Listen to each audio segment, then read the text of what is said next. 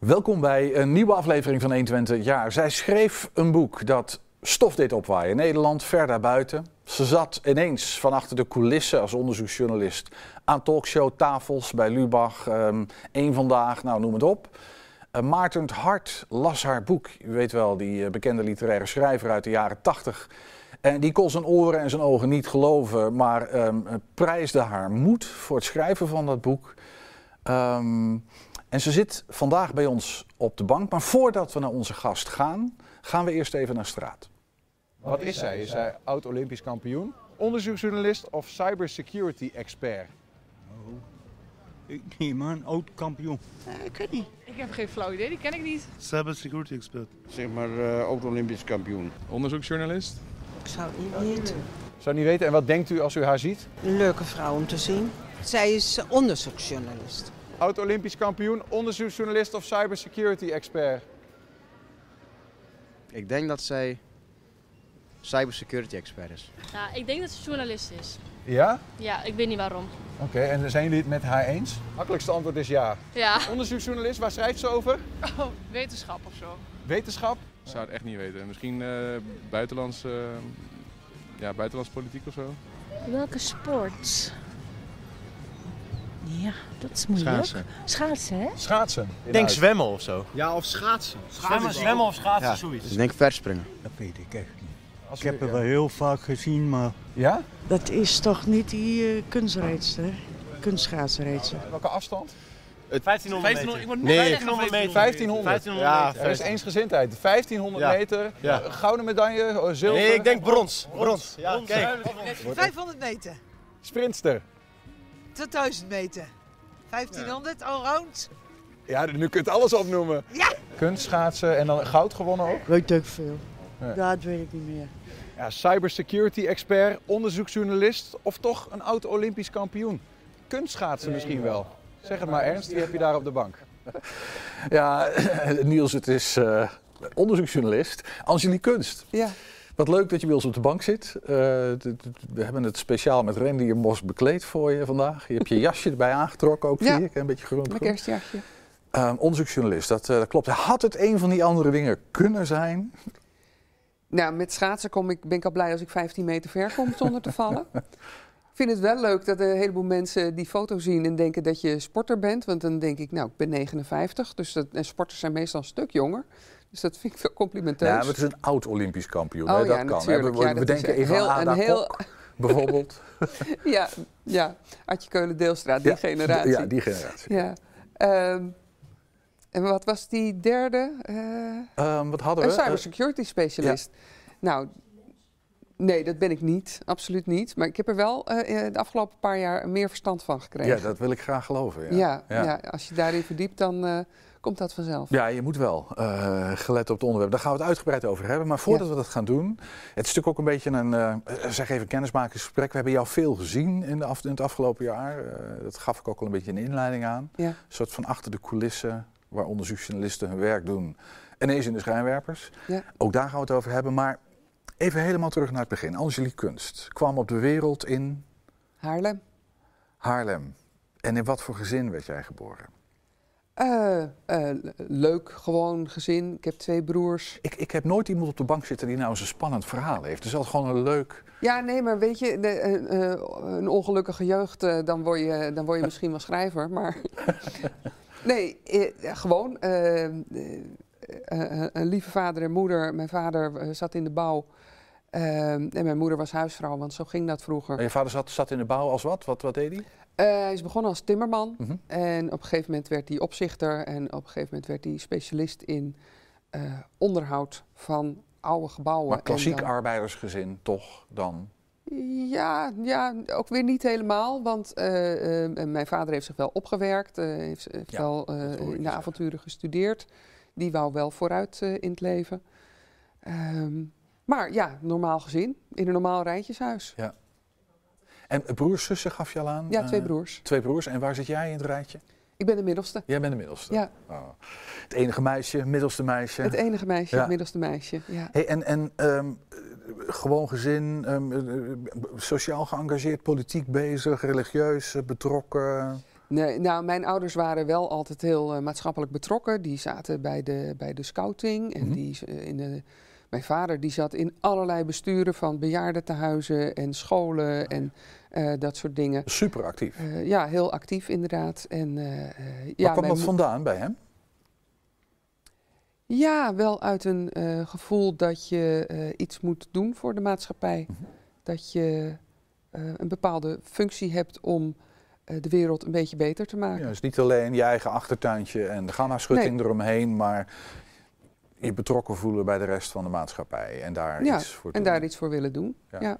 Is dat een, een waarde waar jij ehm, echt mee opgegroeid bent ook? Of was dat iets wat, nou ja, dat gebeurde buiten de deur, dat deed mijn vader? Of, of was dat iets waar jullie ook het met elkaar over hadden? Of, of misschien impliciet, wat voor manier dan ook?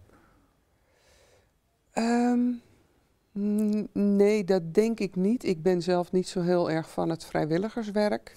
Eh, eh, wat hij dus wel heel erg was. Ja. Eh, dat komt ook omdat ik denk ik wat meer op de achtergrond ben dan hij. Hij was ook wel, het had ook wel een beetje met ijdelheid te maken, dat hij graag gezien wilde worden. Ehm, eh, eh, en dat, dat heb ik denk ik wat minder. Ehm, En jouw moeder, wat voor type was dat? Ja, de stille kracht thuis. Die het gezin draaiende hield. Want dat was in die tijd nou eenmaal zo. Ehm, ik denk dat ze het altijd wel heel jammer heeft gevonden. dat op het moment dat ze trouwde. dat ze moest stoppen met werken. Eh, Wat, wat, wat deed zij voor die tijd? Wat, eh, eh, ze, ze was secretaresse of iets administratiefs. Mhm. Ehm, maar ik denk dat zij, ehm, eh, eh, als ze later geboren was, wel had kunnen doorleren en iets, een leuke baan had kunnen vinden ergens. Waarom denk je dat? Nou, dat het een intelligente dame is. dus, en ze kwam ook wel uit een gezin ehm, waar, eh, ja, waar wel doorgeleerd werd, zeg maar. Maar dan wel door de jongens voornamelijk. Ja. Niet door de meisjes. Maar Want- doorleren was op zich niet zo vreemd. Dat, Dat was op wel zich niet zo vreemd, nee. Ja, ja. Hey, en wat, wat, wat voor meisje was jij als, als die middelste in dat gezin? Eh, rustig, druk. Ja, ik kan me voorstellen dat jij een vrij rustig kind was, maar misschien. Ja, ik dat- was, een, ik was een binnenzittertje. Eh, Ja. Mijn, mijn, eh, mijn ouders die eh, joegen me altijd de straat op, want ik moest buiten spelen met andere kinderen. terwijl ik veel liever een boek zat te lezen. Dus dat, dat leidde wel eens tot conflicten. Terwijl later toen ik puber werd, ik juist te veel buiten de deur was en te laat thuis kwam. En toen alle schade heb ingehaald, zeg maar. Ehm, dus ja, nee, ik was als, als kind denk ik inderdaad wel heel rustig. Ook op school was ik wel rustig en makkelijk. Eh, Plichtsgetrouw, je huiswerk maken. ehm, nee, ik vond, ik vond leren heel leuk. Eh, altijd heel nieuwsgierig en gretig. Maar ik deed er niet zo heel erg veel voor. Dat, was dat niet nodig? Dat was ook niet nodig, Nee, nee. je nee, ik heb VWO door. gedaan en dat... Ja. Nou ja, ik maakte wel huiswerk. Maar ik zat niet uren te leren of zo. dat is nee, geen strebertje. Nee, maar die geen... nieuwsgierigheid van jou en die, eh, die leergierigheid, waar uitte zich? Dat was dus niet per se eh, op school zozeer. Waar uitte zich dat in? Boeken lezen? Ja, boeken lezen, Ja. ik, eh, kennis indrinken. ehm, en ook op zoek naar mensen met andere ideeën dan de ideeën die ik al kende. Ja. Dat was iets wat ik op de middelbare school op een gegeven moment ontdekte. Je krijgt thuis krijg je een pakketje aan waarden en normen mee en eh, een beeld van de geschiedenis en van de wereld. En dan kom je op de middelbare school en dan kom je ineens in aanraking met allerlei mensen die een hele andere kijk op de wereld hebben. Noem eens een voorbeeld. Gewoon, nee, dan ben ik even nieuwsgierig. Nou ja, ik, ik weet nog dat er bij, mij, bij ons een meisje in de klas zat. En, eh, en die was heel erg links georiënteerd. En mijn ouders waren VVD, CDA, zeg maar. Ja. En eh, die, die begon op een gegeven moment van... ja, maar vind jij het dan normaal dat jullie wel eh, gewoon geld en een auto en een huis hebben... en dat er mensen in Nederland zijn die dat niet hebben? En daar had ik eigenlijk nog nooit echt over nagedacht. Ja. Van, ja, weet je, nou ja, dan hebben ze misschien niet hard genoeg gewerkt of zo. Dat was een beetje mijn wereldbeeld. En door haar kreeg ik ineens het idee van... oké, maar daar, daar zou ik eigenlijk eens over na moeten denken... want het is eigenlijk best wel vreemd dat de wereld zo in elkaar zit. Ja. Nou, en dan heb je een geschiedenisleraar die een heel verhaal vertelt over het Koningshuis. Mijn ouders waren koningsgezind. Ja. En die had toch een verhaal over koningin Wilhelmina in de oorlog, zeg. dat ik dacht, Oh, maar dat heb ik thuis nooit gehoord. Dat werpt een andere licht op dat de zaak. werpt een heel Ja. ander licht op de zaak. Dus dan ineens gaat er een wereld voor je open van er zijn ook nog zoveel andere ideeën en nog zoveel andere eh, meningen en geschiedenissen die ik helemaal niet ken. En dat was echt, ja. Maar dat, dat, dat, dat maakte niet dat jij dacht van, oh, wat een enge buitenwereld. Maar dat maakte je juist nieuwsgierig. Ja, Daar wil ik meer en dan weten. wil je meer weten. En, dan, en, en daar ligt dan denk ik ook wel een beetje de kiem voor de journalistieke interesse. Ja. Van eh, ineens wil je alles weten. Ja. En wat zit daarachter? En waarom dan? En hoe dan? Ja. Het heeft ook geleid uiteindelijk tot, eh, nou ja, je bent journalistiek gaan doen in Tilburg, geloof ik, klopt dat? Ja. Ja. Dus je bent van Haarlem naar Tilburg verhuisd. Ja. Een katholiek gezin dan? Of, ja. Ik, ik, ook deze, dit jaar alleen maar katholiek op de bank, of ex-katholiek. Ja, ja, ik- Speelt dat nog een rol of helemaal niet? Het speelt soms wel een rol. ehm, ik heb het katholieke geloof vroeger altijd leuk gevonden. Ik vond het leuk om naar de kerk te gaan. Eh, daar werd mooi gezongen en daar rook het naar wierook. En we zaten in zo'n mooie oude kerk met glas- en loodramen. Ik zong zelf in het koor, dat vond ik heel erg leuk. Eh, dus dat was, was een, ja, was een beetje toneel allemaal. Haarlem hebben we het over, hè? Wel, Ja. Welke kerk was dat nou? Gewoon even, nu ben ik... Eh, wij gingen altijd naar de Onze Lieve Vrouwenkerk in Overveen. Niet de grote Sint-Bavo. Nee, maar ook wel eens. Ja, wij kwamen natuurlijk ook wel eens in de grote Sint-Bavo. Eh, de, de, de nieuwe Bavo en de oude Bavo heb je daar. Ehm nou, dat zijn allebei mooie kerken. En ik hou nog steeds heel erg van mooie kerken. Als wij op vakantie zijn, dan ga ik altijd eventjes- even binnen als de deur Altijd open staat, even naar ja. binnen, altijd Ja. even kijken of er Even engeltjes sfeer. zijn en glas- en loodramen. Altijd even kaarsje opsteken. Maar het geloof, daar ben ik al jaren geleden van afgevallen. Maar ergens, ik hoor je wel zeggen, een soort nou ja, eh, nostalgie ook wel. Ja. Maar ook wel een soort waardesysteem of zo dat over is gebleven. Een manier van kijken naar de wereld. eh, vrede, liefde, rechtvaardigheid, noem ze maar even. Of dat soort zaken. Ja, nee, ja, eh, weet je, als kind word je dan opgevoed met het idee van dat je, dat je een goed mens moet zijn omdat God dat van je wil. En op een gegeven moment kun je zelf wel bedenken van, ik wil een goed mens zijn omdat ik dat de manier vind om met elkaar om te gaan. Om, om zelfrespe- uit zelfrespect wil ik gewoon een goed mens zijn. En dat heeft met, eh, met externe factoren niks te maken. Dat heeft te maken met wat ik vind dat belangrijk is. Hey, en, eh, en, eh, je zult 18, 17, 18 geweest zijn naar Tilburg journalistiek gaan doen. En, en, en daar ben je nooit meer uitgestapt. Je bent in de journalistiek gebleven, volgens mij. Ja, ja. Hoe, hoe was die opleiding in Tilburg? Ehm, kort. Destijds was de, de opleiding nog drie jaar. Tegenwoordig zijn alle HBO-opleidingen vier jaar. Ehm, ik moet zeggen, ik vond drie jaar ook wel zat, eerlijk gezegd. want ik heb eh, daarna in, in een jaar tijd bij de Twentse Courant meer geleerd dan dat ik in die drie jaar op school heb geleerd. Ehm, maar ik vond, het een, ik vond het een nuttige opleiding. Ik vond het een leuke opleiding om te doen. Eh, ja, nee, ik, heb, ik heb me daar prima vermaakt. Ja. En weet je, de, eh, op jezelf wonen in een studentenhuis met mensen die andere studies doen. Ja, hartstikke leuk. Spannend, ja. Studententijd was, eh, hoor was heerlijk. Ja. dat verruimde die blik nog, eh, nogmaals. Ja. En toen van Tilburg, ja, ik weet niet precies, misschien moeten we even heel snel, maar we hebben nooit genoeg tijd in dit soort gesprekken. Nee. Maar je bent uiteindelijk in Enschede verdwaald geraakt. Ja, nou ja, ik liep stage bij KRO Brandpunt. En mijn stagebegeleider daar werd op een gegeven moment hoofdredacteur bij de Twentse Courant. Ah. Dus eh, een jaar na mijn stage of zo kreeg ik ineens een telefoontje van hem. Van, ik ben hier hoofdredacteur geworden en er is een baan vrij op de stadsredactie in Enschede. Heb jij daar zin in? Want hij had mij blijkbaar nogal hoog zitten als oud-stagiair. Nou, dat was leuk. Toen moest ik de atlas erbij pakken en opzoeken waar Enschede in godsnaam lag. Want ik moet eerlijk bekennen dat ik dat toen... Ik denk, ja, dat is ergens in de Achterhoek. Zoals mensen in het Westen Ja, denken. dat is wel vaker hè, dat Ja. mensen dat denken. Ja. En eh, nou, toen ben ik op de trein gestapt en naar Enschede Ja. eh, gegaan. En ja. een soort van gebleven. En gebleven. Maar hier ja. getrouwd, eh, Hier met getrouwd. een oud wethouder. Ja, ja met Kees. Ja, en, en die, ja, precies. En jullie zijn elkaar tegengekomen in een, eh, in een café waar de, de journijen en, eh, en in de, politiek kroeg, in het Binnenhof. ja. naborrelde, geloof ik, na raadsvergadering of iets. In die, in die sfeer is het ontstaan. Hè? Ja, ja eh, Café Het Binnenhof was destijds inderdaad de plek waar alle gemeenteraadsleden en ook ambtenaren en journalisten dus ook Ja. elkaar troffen. En ja, tegenwoordig halen journalisten veel nieuws van het internet en, en wij haalden het uit de kroeg. Dat ja. was, Nou, het gebeurt nog steeds hoor. Ik, eh, die, die interactie tussen mensen blijft gewoon heel erg belangrijk ja, volgens mij. maar daar ben ik hem inderdaad eh, tegengekomen. Ja. En eh, ja, ja, dat was liefde. Echt hè? En hoe lang is dat? Want hij, je, je bent weduwe geworden, hij is overleden. Uh, Ja, hij is helaas veel te vroeg overleden. Dat was in 1999. En ehm, ja, we hadden twee kinderen. En die waren toen drie en vijf jaar. Ja.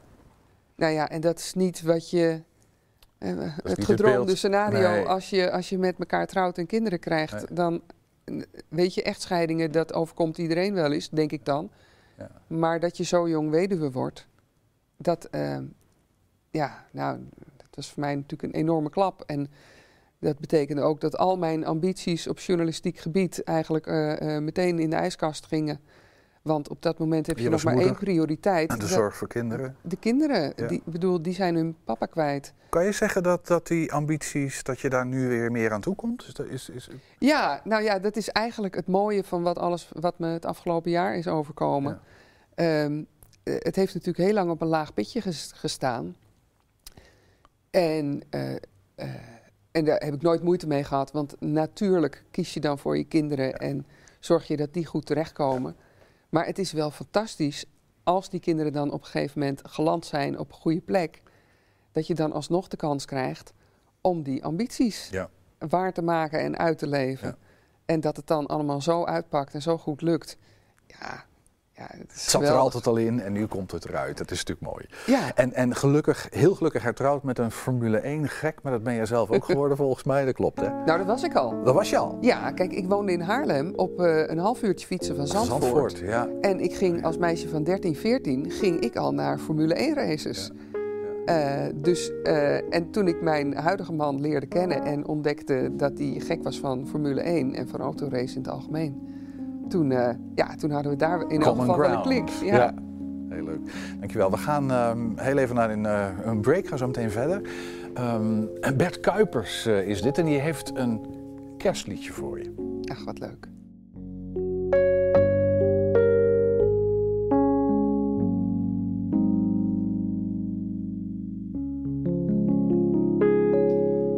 Chestnuts roasting on an open fire. Jack Frost nipping at your nose. Yuletide carols being sung by a choir. And folks dressed up like Eskimos. Everybody knows a turkey and some mistletoe help to make the season with their eyes all aglow will find it hard to sleep tonight. They know that Santa's on his way. He's loaded lots of toys and goodies on his sleigh. And every mother's child is gonna spy to see if reindeer really know how to fly. And so I'm offering this simple phrase to kids from 1 to 92. Although it's been said many times, many ways, Merry Christmas, Merry Christmas, Merry Christmas to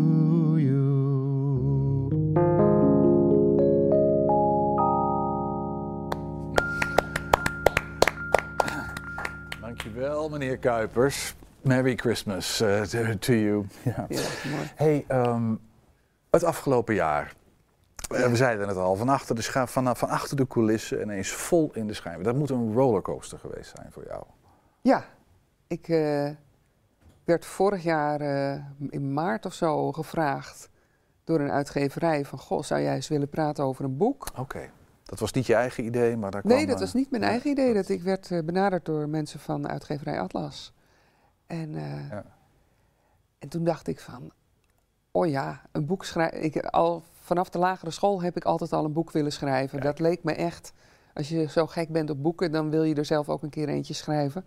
Ehm, maar ja, dan is het heel, heel wat voet in de aarde van hoe ga ik dat doen en waar haal ik de tijd vandaan. Afgelopen maart heb je het over. Dat was in maart 2021. Oké. goed. Ik Ja. zeggen, dan heb je het wel heel snel gedaan. Nee, nou ja, ik heb het uiteindelijk heel snel gedaan. Want eh, uiteindelijk hebben we. eh, nou, kreeg ik toestemming van de baas en ik kreeg vier maanden onbetaald verlof, maar vier maanden. Ehm, en ik ben toen half oktober ben ik begonnen met schrijven. En ik moest het op 1 februari inleveren. dus het was wel heel krap. En dan kan je wel zeggen van, ik had al jarenlang allerlei stukken over de Ja, zaak nee, maar dan geschreven. heb je nog geen boek. Maar dan heb je nog geen boek. Nee. En ik wilde ook heel graag nog extra, eh, eh, ja, ook zeg maar de voorgeschiedenis van Gerard Sanderink. Van hoe is die eigenlijk zo groot geworden? Daar is al wel veel over geschreven. Maar dat wilde ik ook gewoon op een goede manier in het boek neerzetten. Ja, dus een dan soort moest van afgerond verhalen, logische context. ja, precies. Omdat Mhm. je toch benieu- benieuwd bent naar de aanloop ernaartoe. Nou ja, en toen heb ik dus eh, maanden zitten schrijven op een zonnekamertje. Eh, en in eh, begin februari was het af. Nou ja, en dan ga je een heel traject in van de uitgeverij en de eindredacteuren die er naar moeten kijken. En de hele juridische afdeling die er eh, natuurlijk naar moest kijken. Ja. Ik moest werkelijk Ja, iedere het is een precair boek in die zin. Hè? Als je er, daar moet je niet te veel foutjes in hebben staan. Dan word je opgehangen natuurlijk. Ja, nou ja, en meneer Sanderink had mij al zo vaak gedreigd met de rechtszaken over de artikelen die ik had geschreven. Dat we konden gewoon uittekenen van ja, als er een boek komt, dan, eh, ja, dan moet alles kloppen. Ja. Want als daar een rechtszaak over komt, en ik was ervan overtuigd dat die er zou komen, Mhm. dan, eh, dan ja, kunnen we niet onderuit Is gaan. hij er ook gekomen? Nee. Nee, hè? Nee, er is eh, eindeloos mee gedreigd. Er zijn al data aangeprikt op een gegeven moment. Twee advocaten mee bezig Ja. geweest, eh, maar uiteindelijk geen Ze waarschijnlijk toch een doorwrocht boek hebben geschreven, eh, Angelique. eh, Ja, waar weinig gaten in te, in te schieten zijn. Dat denk ik dus ook. Ja. Ja. Hey, maar een rollercoaster, toch maar. Ik, ik heb natuurlijk een aantal van die interviews in de afgelopen paar dagen gezien op tv. Je, je lijkt daar heel erg rustig en nuchter mee om te gaan. Ik bedoel, ik zie daar niet. Het, het is alsof je al jaren aan die talkshowtafels eh aanschoof. Alsof dat niets nieuws is voor nee, je. ja, ik was er zelf ook een beetje verbaasd over. Want eh, toen ik gevraagd werd voor Lubach, Ja. eh, toen realiseerde ik me wel van, oh, dit is wel iets waar ik zenuwachtig over zou kunnen worden. En dat werd ik niet. Wat is dat? IJzeren heinigen? Nee, ja, dat is denk ik, dat heeft ook met leeftijd te maken. Ik Mhm. weet zeker dat ik twintig jaar geleden niet zo kalm was gebleven. En nu denk ik, nu kan ik er heel erg van genieten dat het me overkomt.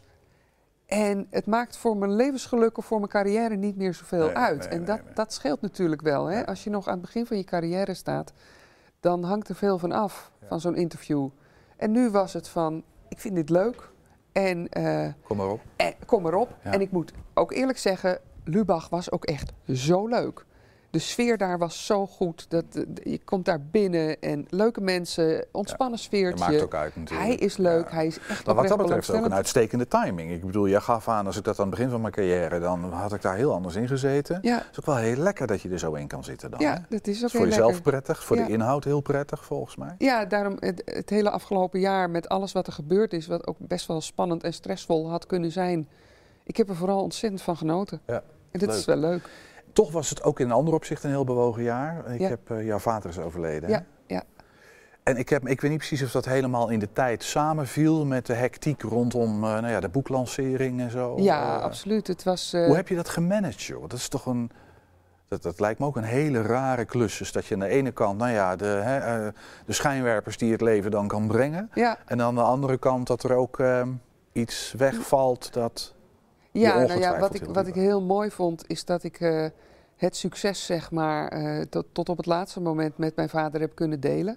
En dat hij daar ook, ook heel erg van genoten heeft. En dat hij daar ontzettend trots op was. Want hij heeft zich natuurlijk in de tijd dat mijn man overleed en ik achterbleef met twee kleine kinderen, hebben hij en, en mijn moeder zich vreselijk veel zorgen over mij gemaakt. Van komt dat ooit nog goed met hun? Nou ja, en dat dan zo op het eind van zijn leven eh, alle puzzelstukjes eh, eh, in, in elkaar vielen. Ehm, dat vond hij heel fijn. En daar hebben we ook mooi over kunnen praten. En dat is dan wel, ja, dat is dan wel heel bijzonder. En de boekpresentatie, toen was hij al te ziek om daarbij aanwezig te kunnen zijn. Ja. Maar we hebben een videoverbinding gemaakt. Dus hij is er met video toch bij geweest. Ehm, dus ja, dat, die, die, die, die laatste maanden. eh, ja, heb ik ook hele mooie gesprekken met hem gehad. En dat- eh, ja, Want hij was ziek, eh, Ja. begrijp ik van je. hij was Ja, al heel lang ziek, maar het werd het laatste jaar eh, ja, steeds erger. Ja. Maar kostbare laatste maanden gehad. Dat klinkt wel, dat is ongelooflijk gaaf dat je dat met hem hebt kunnen delen, kan ik me voorstellen. Ja, ja. En, en dat maakt het ook. Weet je, hij was 84 en dan kan je zeggen van het, het, hij heeft een mooi en een afgerond leven gehad. En hij was zelf tevreden over zijn leven. Ja. Dan denk ik, als je dan moet gaan.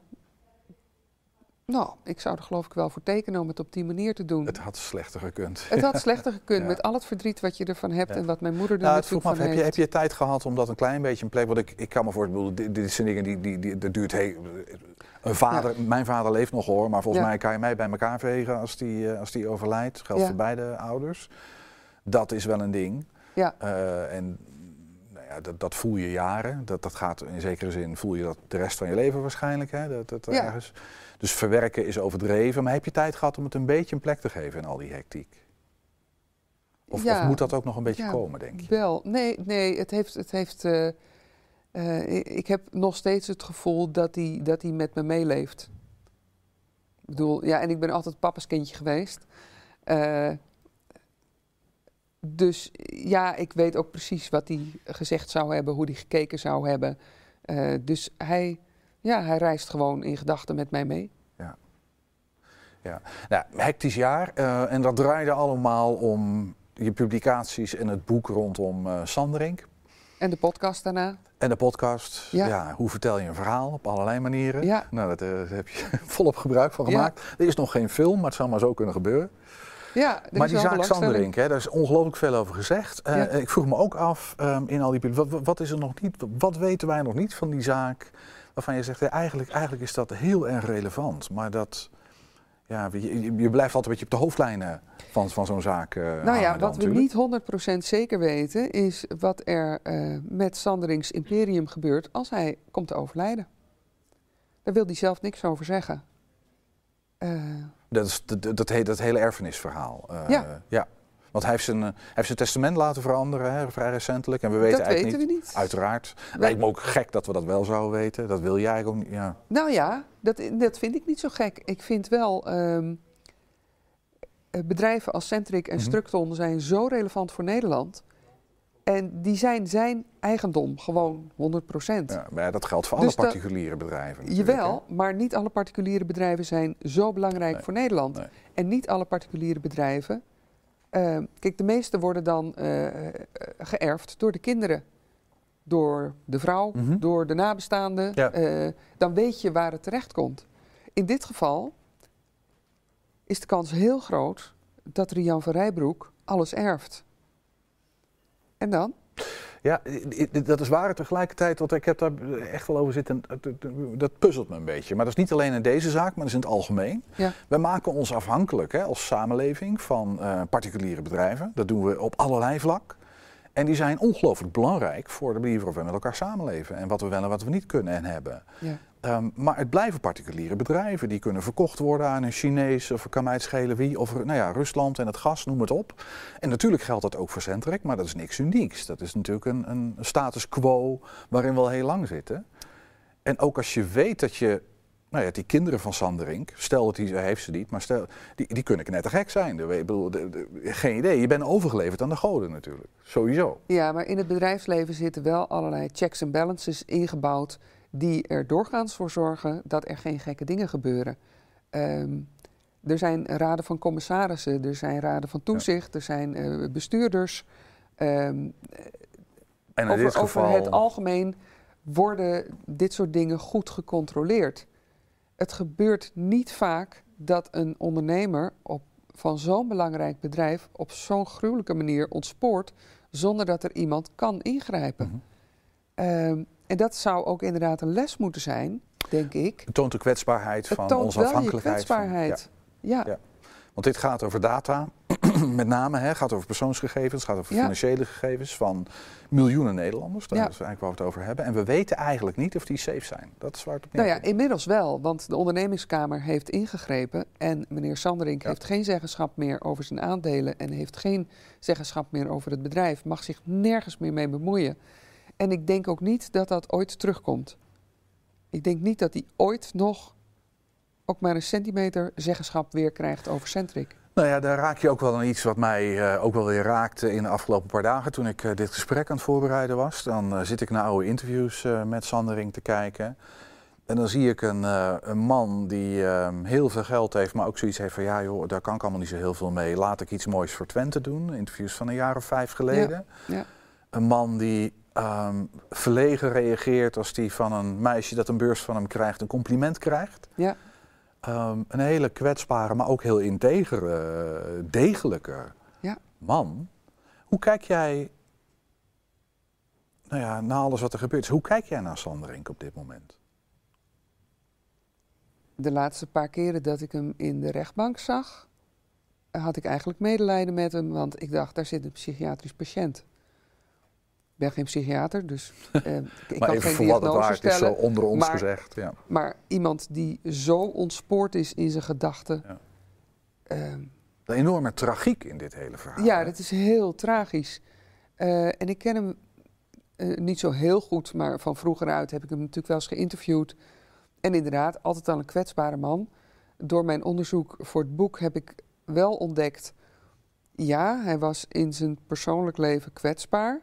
maar hij was ook keihard en niets ontziend in zijn manier van zaken doen. Hij kon echt over mensen heen walsen. Dus hij was geen zielig mannetje. Hmm. Ehm, hij, kon, hij had soms ook hele nare trekjes. Hmm. Ehm, maar goed, Maar er zit, het- zit een soort van eenzaamheid in hem, die, ik, eh, ja, en die is er niet minder op geworden in de afgelopen eh, jaren nee, natuurlijk. nee. En als je dan inderdaad eh, weet dat hij vroeger op school gepest is Ja. en eh, dat hij geen vriendjes had eh, en dat hij thuis ook niet goed viel, dat zijn vader hem niet voor vol aanzag, ja, dan is hij inderdaad altijd wel eenzaam geweest. Ja. Maar hij is er in zijn latere leven heel goed in geslaagd om goede mensen om zich heen te verzamelen.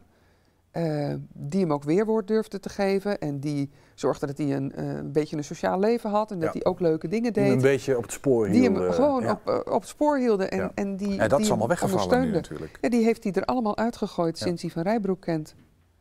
En ja, nu heeft hij alleen haar. Ja, dat is pas echt eenzaam volgens mij. Dat lijkt mij ook, ja. Hey, en misschien dan toch ook even naar, naar Rian van Rijbroek, zijn ja, minnares, eh, geliefde, vriendin, Vriendin. hoe je het noemen wil. Ja. Geef het een kwalificatie. Ehm, wonderlijke vrouw, weten wij ook niet zo heel veel van. Ehm, jij weet daar denk ik het. Jij, jij, jij, bent, jij hebt in die zaak heb je gezeten, je hebt volop in, en je zit er nog volop in, eh, ongetwijfeld, dat laat je niet los. Ehm, wat, wat, kan je, wat, wat, wat is je beeld van haar? Ik vind het ook een soort tragische figuur ergens. Of heb ik nou te veel medelijden? Ja, ik Ja. zie het aan je. het is, wel, het is wel tragisch als je zo in het leven staat zoals zij. Maar ze maakt daar zoveel mensen mee kapot. Ik bedoel, daar heb ik de afgelopen jaren veel onderzoek naar gedaan. Ehm, zij heeft gewoon in haar leven al heel veel kapot gemaakt. Door gewoon te liegen en te bedriegen en ehm, eh, mensen zwart te maken Mhm. en mensen te manipuleren. Ehm, Eh, Even, even advocaat voor de duivel spelend. Hè. Er Ja. zijn natuurlijk ongelooflijk veel red flags geweest in, in eh, nou ja, de verhalen die zij vertelde.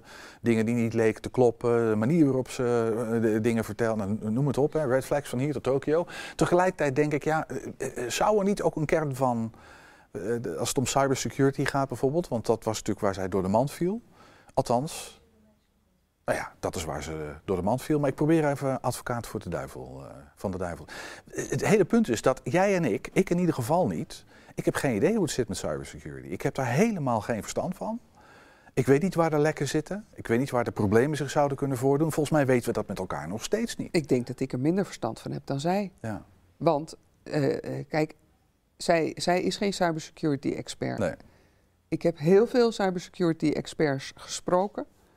En die zeggen allemaal, zij is het niet en ze weet er niets van. Nee. Maar ze heeft er wel heel veel over gelezen. Ze, weet een geloof, heel heeft- geloofwaardig verhaal. Ze heeft een waanzinnige database in haar hoofd met allemaal anekdotes. Die ze zelf niet goed snapt en niet goed aan elkaar kan knopen. Maar het zit er wel allemaal. Dus ze kan wel prachtige verhalen vertellen. Die inderdaad voor 99% van de mensheid die niets van cybersecurity weet, weten, eh, heel geloofwaardig klinken. Ehm, maar als ze met echte experts in aanraking komt, ja, dan valt ze gigantisch door de mand. Mhm. Dan blijkt dat ze er echt niks van weet. En dat hele verhaal over geld uitspuwende geldautomaten, wat ze iedere keer ophangt, ja, dat is bijna lachwekkend. eh, Wat, gaat het, wat gaat het vervolg worden in deze? En heb ik het niet zozeer over het verhaal, dat het misschien nog op een andere manier verteld wordt. Maar hoe, hoe gaat, dit, gaat dit verhaal nog verder? Ben jij, jij bent er nog mee bezig? Kan de kan haast niet anders? Ja, ik ben er nog wel mee bezig. Maar kijk, eh, eh, eh, de maatschappelijke relevantie zat hem vooral in het gevaar wat dit, deze hele situatie Ja, vormde dat voor Centric. En dat gevaar dat is eigenlijk afgedekt? Dat is Dat afgedekt. weten we 100% zeker? Ja, de ondernemingskamer heeft daar nieuwe bestuurders aangesteld. Heeft iemand aangesteld die de zeggenschap over de aandelen heeft overgenomen. Ja. Dus Gerard Sanderink mag, is nog wel de eigenaar, maar heeft niets meer te vertellen. Echt helemaal niets meer. Nee.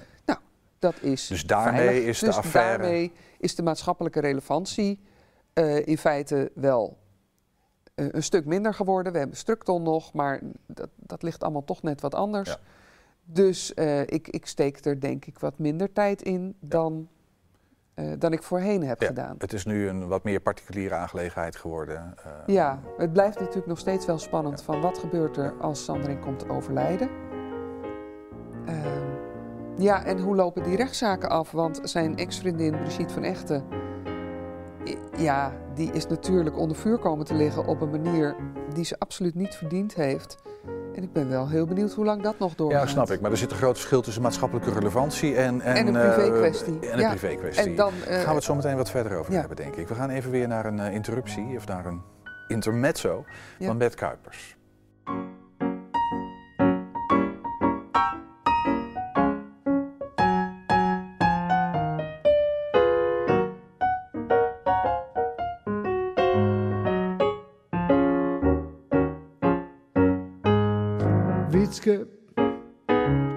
De parel van Oosterend. Oh, Wietske, Wietske, de mooiste die men daar kent.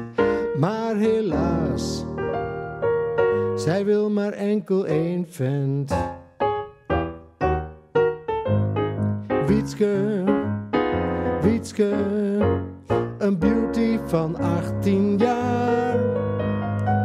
Wietske, Wietske, oh, niemand heeft zulk mooi haar.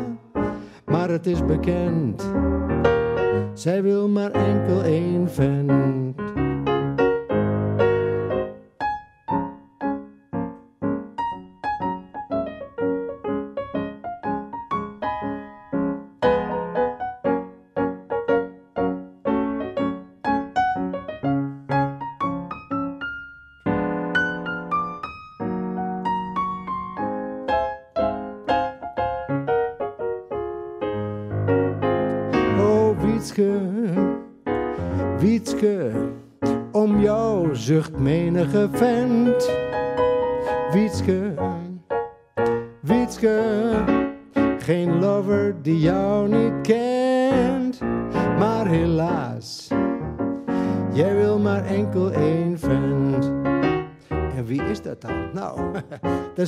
Pieter Vries, een prima vent. Zijn hart, dat ligt in Oosterend. Hij is hobbyboer en Wietske zijn koe. Aboe, aboe, aboe. Dankjewel, Bert Leuk. Wietske de Koe. Ja. Dat wisten we pas helemaal aan het eind. Ja.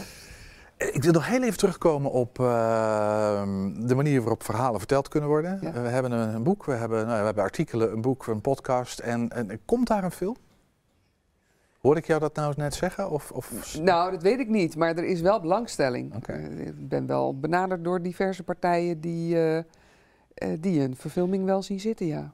De rechten van het, ja, die rechten van het boek liggen. Uitgever, nou ja, goed. Eh, juridische kwestie. Dat, eh, Ja, dat zijn allemaal dingen, dat weet je, dat, je eh, ik bemoei me daar niet al te veel mee en ik, ik hoor het wel een keer. Ja. Of dat Ja. allemaal doorgaat. Kijk, 2023 komt eraan. Ik wil het heel graag met jou hebben over wat algemener, hè? onderzoeksjournalistiek in het algemeen. Ja.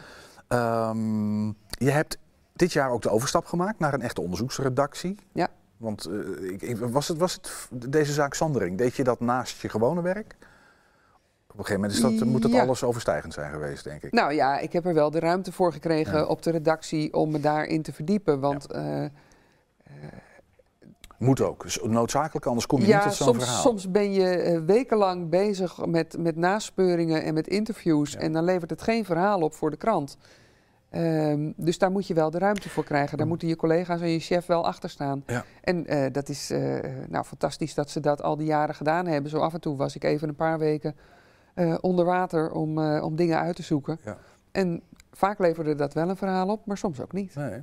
Hoe belangrijk is het dat, dat ehm, eh, redacties, redactiechefs, dat, dat die die ruimte geven voor onderzoeksjournalistiek? Ja, steeds belangrijker, denk ik. Steeds belangrijker. Ja, Nou ja, het, het, ik voel, het voelt ook wel eens alsof de media juist steeds vluchtiger worden en er steeds minder aandacht is voor verhalen die gewoon heel veel tijd kosten. Want dat is wat het is. Hè? Ja. Ja, weet je, eh, toen ik in de journalistiek begon, toen zat er op het stadhuis in Enschede, eh, zaten geloof ik twee voorlichters. En, en je deed gewoon zaken met ambtenaren en wethouders zelf. En, en als ik iets wilde weten over een verkeerssituatie of een bouwsituatie, dan belde ik gewoon de ambtenaar die daarover ging. Dat kan tegenwoordig niet meer. Er zit een waanzinnig batterij aan voorlichters tussen die allemaal ehm, het verhaal vertellen zoals het volgens de gemeente verteld moet worden. En dat is niet per se altijd het verhaal zoals het werkelijk ligt. Eh, en Pieter Omzicht heeft er ook alles over geklaagd in Den Haag. Het aantal voorlichters Mhm. is de afgelopen jaren verdrievoudigd, verviervoudigd, Ja, weet ik niet meer. geëxplodeerd. eh, ja. Dus het is steeds moeilijker als journalist om te achterhalen hoe zit het nou echt. En daar helpen de voorlichters niet bij. Die denken dat zelf misschien wel, maar meestal krijg je van hun het, het PR-verhaal. Dus het wordt steeds belangrijker om zelf te gaan graven. En, eh, want de persberichten vliegen je om de oren. Mhm. En Ik daar begrijp- zou je een hele krant mee kunnen vullen. Ja. Maar eh, ja, nee, he- hoe het echt zit, daar moet je toch echt tegenwoordig zelf achteraan. En dat is veel moeilijker dan vroeger. En dus is onderzoeksjournalistiek veel relevanter geworden. Ja. Is dat een, een, een reden ook? Want dan laat ik het anders vragen. Je, je, je bent gestart, hè, een opleiding van journalistiek gedaan, in de journalistiek beland en daar gebleven. Eigenlijk via eh, kersttafelschikkingen in Libella, geloof ik. eh, nou, ja, zit je nu eh, op de onderzoeksredactie van de AD. Ja. Ehm, had je dat hele onderzoeksverhaal, is, is dat een soort van ding dat je eigenlijk altijd al wel had, van, vanuit die nieuwsgierigheid? Of is dat langzaam gegroeid, dat je, dat je meer wilde onderzoeken, verdiepender wilde? Nee, dat heb ik denk ik altijd wel gehad. Ja. En dat, dat je altijd wel op zoek was van ja, dit, dit is het verhaal zoals het verteld wordt, maar volgens mij zit het anders. Of volgens mij zijn er verhalen die helemaal niet verteld worden, maar die wel heel relevant zijn. En daar ben ik volgens mij altijd wel naar op zoek geweest. Eh, en ja, op een gegeven moment eh, eh, kom je toch in de situatie dat je op een redactie zit waar gewoon het dagelijks werk doorgaat, doorgaat, doorgaat. Nou, die waan van de dag, hè, die, die is best heel bepalend ja, voor het ritme bepalend. van de journalistiek ook. En juist met de opkomst van internet eh, is nieuws overal en iedereen brengt nieuws. Dus wat je vroeger had, vroeger had je Tubantia en de Twentse Courant. En één van tweeën had het als eerste. En als de andere het was, dan, dan baalde je daarvan. Ja, nu zijn er zoveel platforms en zoveel mensen die nieuws brengen... dat je bent nooit meer de eerste. Eh, dus, dus ja, die hele journalistiek is zo veranderd. En inderdaad veel meer afhankelijk geworden van de waan van de dag. Omdat je eigenlijk niks wil missen van alles wat er aan nieuws gebracht wordt. En het is eigenlijk te veel. En de echte waarde van de journalistiek zit hem er dan in... dat je de dingen brengt die niemand anders heeft... eh, en onderzoek doet. Ja, ja, je schetst al een hele een, een- een, een verandering hè, eh, in, in eh, nou, de manier waarop journalisten werken. Maar ook een verandering in de manier waarop ze bekeken worden. Vroeger was daar kennelijk toch een soort van vertrouwen en kon je bellen met een ambtenaar. Er zit een hele batterij voorlichters tussen nu. Ja. Ehm, is dat een soort fait accompli van, nou ja, daar moeten we met elkaar mee leren leven en that's, that's what it is? Of, of vind je daar ook wel wat van? Dan zeg je van, nou weet je, dit, dit, dit, dit, dit komt de democratie niet ten goede. Ja, nou, precies wat je zegt. Eh, ik vind daar wel wat van. Ik, ik, eh, weet je, de goede niet te nagesproken. Ik ken ook een aantal hele goede voorlichters die gewoon eh, die, die hulpvaardig zijn en die het eerlijke verhaal vertellen. En die je ook nog wel eens willen uitleggen waarom ze bepaalde dingen niet kunnen of mogen vertellen. Eh, dat is dan gewoon heel waardevol. Maar ik kom veel te veel voorlichters tegen die gewoon het PR-verhaaltje afdraaien. Die gewoon stelselmatig geen antwoord geven op vragen die je stelt. Eh, en ik, ik kan me er, weet je, natuurlijk zijn er ook journalisten die hun werk niet goed doen. Mhm. Dat, dat zal iedere voorlichter ook kunnen beamen. En daar hebben ze ook hun voorbeelden van. Nou ja, maar misschien Maar even om ik daarop... Ja, ga, ik denk wel, wij, wij als journalisten hebben een, eh, een taak binnen de democratie, inderdaad, als een soort controlerende macht. Er is ook, dat hebben we. En tegelijkertijd ehm, is er geen, want die kritiek op de journalistiek, hè? Ja. Ehm, de journalistiek heeft steeds meer belang bij chocoladeletters, bij koppen die eh, makkelijk eh, naar binnen glijden en die heel veel hits en kijkcijfers opleveren. Dat doet ook wel wat met de jachtigheid en met eh sensatiebelusten, dat het sensatiebelusten in de Ja. journalistiek. Dat is natuurlijk een kritiek die wel ja, terecht is, ja en, ik. en ik vind ook dat wij eh, als, als journalisten ook tegenwoordig veel te snel eh, reageren op iedere vorm van ophef, Ja. op iedereen die een mening heeft. Ehm, ik vind het ook heel storend dat als mensen over journalistiek praten, dat ze het dan over op één hebben of over, eh, Mhm. nou, noem al die talkshows maar op. En dan denk ik, maar dat is geen journalistiek, jongens, dat zijn meningen. En meningen is iets anders. Journalistiek zou moeten gaan over feiten. Mhm. Ehm, ja, en, en, en het, het gaat me aan het hart dat inderdaad er ook journalisten zijn die gewoon bij iedereen die ook maar eh, iets roept wat afwijkend is, die krijgt meteen een podium. En denk ik, dat moeten we ook niet doen. We moeten ook een beetje zorgvuldig zijn in welke mensen we wel en geen podium geven. En daar moet je zorgen dat daar goede diversiteit in is. Mhm. Maar niet iedere schreeuwer met een mening op de voorpagina zetten. En dat gebeurt naar mijn mening veel te veel. Er zit ook wel iets kwetsbaars in, is dat je altijd een afweging maakt als journalist. Ja. Wie je wel en, niet, en, en waarom je wel of niet iemand een podium Ja. geeft. Dat, nou ja, die, dus die, de subjectiviteit, objectiviteit is altijd Ja. een hele lastige. eh, hoe ga jij daarmee om? Is, is dat een soort van check? Want ik vroeg me ook even af, hè, die zaak Sandering bijvoorbeeld. Ja. Wat is nou, het, wa- wa- wanneer, wanneer is iets privé? En gaat dat, weet je, is dat sensatie en leuk voor privé en story? Maar gaat het eigenlijk ons niks aan? En wanneer is het een maatschappelijk belang? Eh, er- zit een soort grens. Soms is die heel duidelijk en soms Ja. is die heel vaag. Nee, dat is ook Eh, zo. Hoe, hoe, hoe, hoe, hoe doe jij dat? Is, is dat een ding wat in je hoofd, een soort van gewetensvraag die je jezelf stelt? Ja, absoluut. En, dan- spelen anderen daar een rol in ook? Is dat een, Eh, een toets bij de redactie of zo? Jawel, Dat, eh, jawel. Ik, eh, eh, ik, ik had bij Tubantia een hele goede chef, Raymond, met wie ik heel fijn kon sparren. Eh, en die inderdaad af en toe wel zei van, nou weet je, dit, dit, dit lijkt me niet relevant en dat wel. En ga door op dat spoor. Ja. En, eh, eh, en dat is heel fijn als je zo'n collega hebt die, eh, die je daarbij helpt. Eh, ja, weet je, en eh, er zijn heel veel mensen die me gevraagd hebben van... eh, eh, ja, duik eens in dat, in dat eh, privéleven en dan meer de, de erotische kant van mevrouw van Rijbroek. Want iedereen vermoedt dat daar wel Ja, iets zit, wel een verhaal. Dus Daar zit ja. wel een verhaal. Maar dan denk ik, ja, maar hoe relevant is dat? Hoe relevant is dat Mhm. voor dit hele verhaal? Hoe relevant is dat voor het voortbestaan van Centric? Ja, het antwoord is in principe niet Het natuurlijk. antwoord, Nee. nee. Nee. Dus ik duik daar ook niet in. Nee.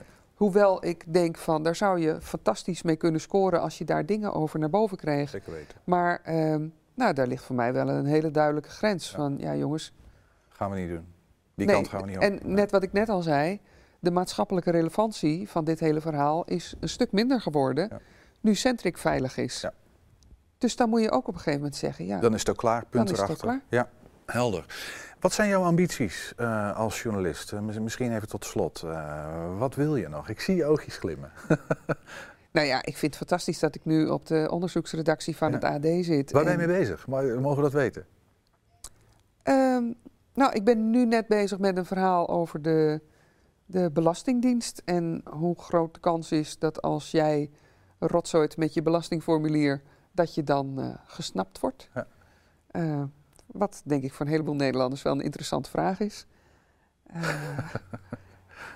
Daar- daar ben ik- daar Schrijf er ik een handboek bij, zo moet zo. zo moet het. Ja. Ja. Eh, nee, ja, en ik kijk wel wat er op mijn pad komt. Ik, eh, Nee, maar ik zag je oogjes glimmen. Dus dat is niet, ik kijk wel wat er op mijn pad komt, maar jij wil iets. Ja, ik wil nog een heleboel mooie onderzoeksverhalen maken. En ik vind het heerlijk dat ik daar nu zo de ruimte voor krijg. Eh, om me inderdaad heel erg te verdiepen in dingen. En soms heb je projectjes die, eh, die drie weken duren. En soms zal je dingen hebben die Maanden. meer dan een jaar. En misschien wel zoals de Sanderingzaak. Stuit ik nog op iets wat, eh, wat tot mijn pensioen me bezig gaat houden? Ja, dat zou zomaar kunnen. We gaan het zien. We gaan het afwachten. Het komende jaar ligt voor ons. En nou ja, de hele toekomst eh, ook van eh Angelique Kunst. Net een nieuwe carrière switch gemaakt. We gaan dit zo langzaam afsluiten. Maar voordat we helemaal gaan afsluiten, hebben we nog even een verrassingje voor je. Oké. Hey, Susie van me. Dag lief. Hey man, ik zit hier met deze draak. Ik kreeg hem niet weg, dus we moeten dat filmpje maar even zo doen. Hoi Mopie. Hi mam, ik ben natuurlijk super trots op je wat je hebt gedaan dit jaar. 22, een apart jaar. Ehm, ik ben super trots op je dat je een eh, prachtig boek hebt eh, geschreven. Ik heb het gelezen, het was heel bijzonder. En ik heb ook van heel veel eh, collega's en vrienden al gehoord van... eh, is dat je zus? Ja, dat is mijn zus. 2022 was denk ik een eh, heel heftig jaar, een heel hectisch jaar. Daar staat hij. Hij is er nog steeds bij. En ik ben ongelooflijk trots op je, wat je allemaal bereikt hebt dit jaar. Eh, hiervoor natuurlijk ook al. Eh, ineens ben je een BN'er geworden, zat je overal en dat deed je natuurlijk fantastisch. Je boek was geweldig, ik heb er echt van genoten. Ik heb hem al aangeraden aan mensen. Het feit dat je dat kan doen is bijzonder en ik vind het geweldig. Dus ja, nogmaals, ik ben super trots op je en eh, ik hoop dat je nog verder kan gaan met waar je nu mee bezig bent. Dus succes! Vreugde en verdriet. Lachen en huilen. Het was met Jaartje wel. Dank je wel voor al je hulp, je troost en je steun de afgelopen maanden. Ik heb het afgelopen jaar, anderhalf jaar, met heel veel liefde, bewondering en respect naar je gekeken. Hoe je alles hebt doorstaan, het boek, eh, de publiciteit, de podcast. Heel veel bewondering hoe je dat gedaan hebt. En dan ben je gelukkig ook nog met mij getrouwd. En een fantastische moeder voor de kinderen. Dankjewel. 2023 wordt vast een eh, nog mooier jaar. Ik hoop ook een iets rustiger jaar voor jou en je mentale gezondheid. Tuurlijk. Maar dat komt vast helemaal goed. Ik ben heel benieuwd wat dit jaar eh, ons en jou gaat brengen. Ehm ik kon nog gelukkig, ah, jammer genoeg niet bij de presentatie zijn. Ik was bij, eh, bij papa. Maar die was er ook super trots op dat hij dat nog eh, heeft meegemaakt. Dus eh, ja, 22 een, eh, een eh, jaar met hoogtepunten en eh, toch ook een, een eh, paar dieptepunten en zeker één dieptepunt. Maar ik ben super trots op je en eh, heel veel succes met de toekomst, met alles wat je nog gaat doen. Groetjes van je broertje. Ai ai. En eh, nou ja, ik hou van je. Ik ben ontzettend trots op je. Doei! Ik hou van je en ik ben trots op je. Nou, Nou, moeten we even stilte laten vallen, vind je niet? ja. Ja, heel warm. Maar jullie hebben ook wel wat meegemaakt samen. Daar hebben we het al een beetje over gehad. Ja, en weet je, dit is ook het allerbelangrijkste in je leven. Carrière en succes en zo. Dat is allemaal hartstikke leuk. Eh, dat is misschien ook wel de reden dat ik er zo rustig onder bleef het afgelopen jaar. Dat leer je ook wel als je eh, nou, op vrij jonge leeftijd je man verliest. Er is maar één ding echt belangrijk en dat is familie. De relaties, de mensen ja, om je de heen. relaties, Ja. de mensen om je heen. Het is waar, hè? En dat moet goed zijn. Ja. Ja. Nou, dit, dit ziet er heel goed uit. Laat ik het. eh Dat voelt dus ook heel goed. buitenstaander, maar Ja. ja. ja. Hey, ehm, ja, Daphne is besmet met het virus, hè? Ja, ja, die zit bij één vandaag. Jouw dochter. Eh, ja. ja, ja. Vind je het, vind het leuk of had het, maak je niet zoveel uit? Of maakt het toch wel een beetje extra leuk? Ik vind het hartstikke leuk, Ja. want eh, eh, ja, zij, zij herkent een heleboel dingen die ik doe en ik herken dingen die zij doet. En het is ja, fantastisch om te zien dat ze inderdaad die genen heeft. Eh, maar mijn zoon heeft het helemaal niet en daar ben ik net zo gek op. Ja, nou ja. Dus nee, dat, maakt dat, niet maakt niet uit. Nee. We gaan nog heel even de straat op ook. Eh, dat ronden we nog even af. Ja. Ze is een onderzoeksjournalist. Haar naam is Angelique Kunst. Kreeg wat. Nou ja, ze schreef heel veel over Gerard Sanderink. Ooit van gehoord? De man van de cent. De man van de centen. Ja. En die man kreeg een vriendin. En die vriendin die zei dat ze cybersecurity expert was. Maar daar twijfelde men aan. Men dacht, Ja. dat klopt volgens mij niet. Alleen die vriendin die zorgt een beetje, die neemt eigenlijk de leiding over zijn bedrijven over. En daar waren de mensen niet zo blij mee. Daar schreef ze over. Ja, dat heb ik gelezen, ja. Ja, ja, ja. Wij hebben Angelique op eh, bezoek binnenkort. Hebben jullie nog een kerst- of een eindejaarsboodschap voor Angelique? Plezier hebben, dat is het belangrijkste tijdens kerst. Samen met je familie, dat is het beste wat je kunt doen. Ik zou meedoen aan de, aan de 500 meter sprint bij schaatsen. Ja, laat ze maar goed doorgaan eh, en vriendelijk blijven met zoals ze is, zeg maar. Goed dat ze het onderzoekt. Ja? Ja. Blijven doorgaan? Doorgaan. Wees gelukkig, eh, doe jezelf een lol. eh, Allemaal van dat soort dingen. dat soort dingen. Speel met je dikke teen, doe iets. Angelique, ik weet niet of u dit ziet, maar u ziet er heel goed uit. Fijne kerstdagen en alvast een gelukkig nieuwjaar. Doorgaan zo. Prima. Doorgaan. Waar ze mee bezig is. Ik vind dat ze een heel mooi onderzoek heeft gedaan. Een mooi verhaal was het. Ja, dat mag je tegen haar zeggen. Hele eh, fijne kerstdagen en een eh, Gelukkig heel gelukkig eh, nieuwjaar. Tingeling. Nou, een hoop goede wensen. Eh, nou ja, nou, we hebben een aantal mensen gesproken. We moeten niet overdrijven, maar toch een aantal. eh, hey, en dat zo'n jonge jongen zegt dat ik er goed uitzie. Goed hè? eh, ik zag je, je grinnikt al een beetje. Ja, die kan, Ja. Je, die kan je in je zak steken. Leuk. Daar kan je het nieuwe jaar wel mee in. Ja. We zullen eens kijken of we zijn naam nog ergens kunnen achterhalen. Ik heb geen idee. We zullen ons best doen, dat beloof ik je. Ehm, wat is jouw liefste wens voor het komende jaar? Eh, dat het goed gaat met mijn moeder. Want ja, die Hoe oud heeft... is ze? Eh, ze wordt eh, tweede kerstdag eh 85. Tweede een kerstkindje. En dan is ze bij ons. Ze viert het bij Oh ja. ons, omdat ze natuurlijk, ja, ja Ja, dat wordt een rare kerst. in dat wordt zin een rare kerst. Dus de eerste ja. kerst nadat je En zij woont in Haarlem nog? Ja. ja. Nou, ik wens jou hele fijne kerstdagen dan toch. En warme kerstdagen. Ja. Vol mooie herinneringen ook. ook. Met alles wat er speelt. Eh, en een heel fantastisch nieuwjaar. Dankjewel. Ehm dit was hem voor nu met Angelique Kunst. ehm 120 het jaar. Dankjewel voor het kijken. Leuk dat je keek. Vanavond terug te zien op tv om 8 uur, 10 uur, 12 uur en dat gaat zo door. Morgen nog één aflevering, de laatste van dit seizoen. Ehm, en dan praten we met John van der Vecht. Hij is bestuursvoorzitter nog wel van het ROC van Twente. Tot morgen.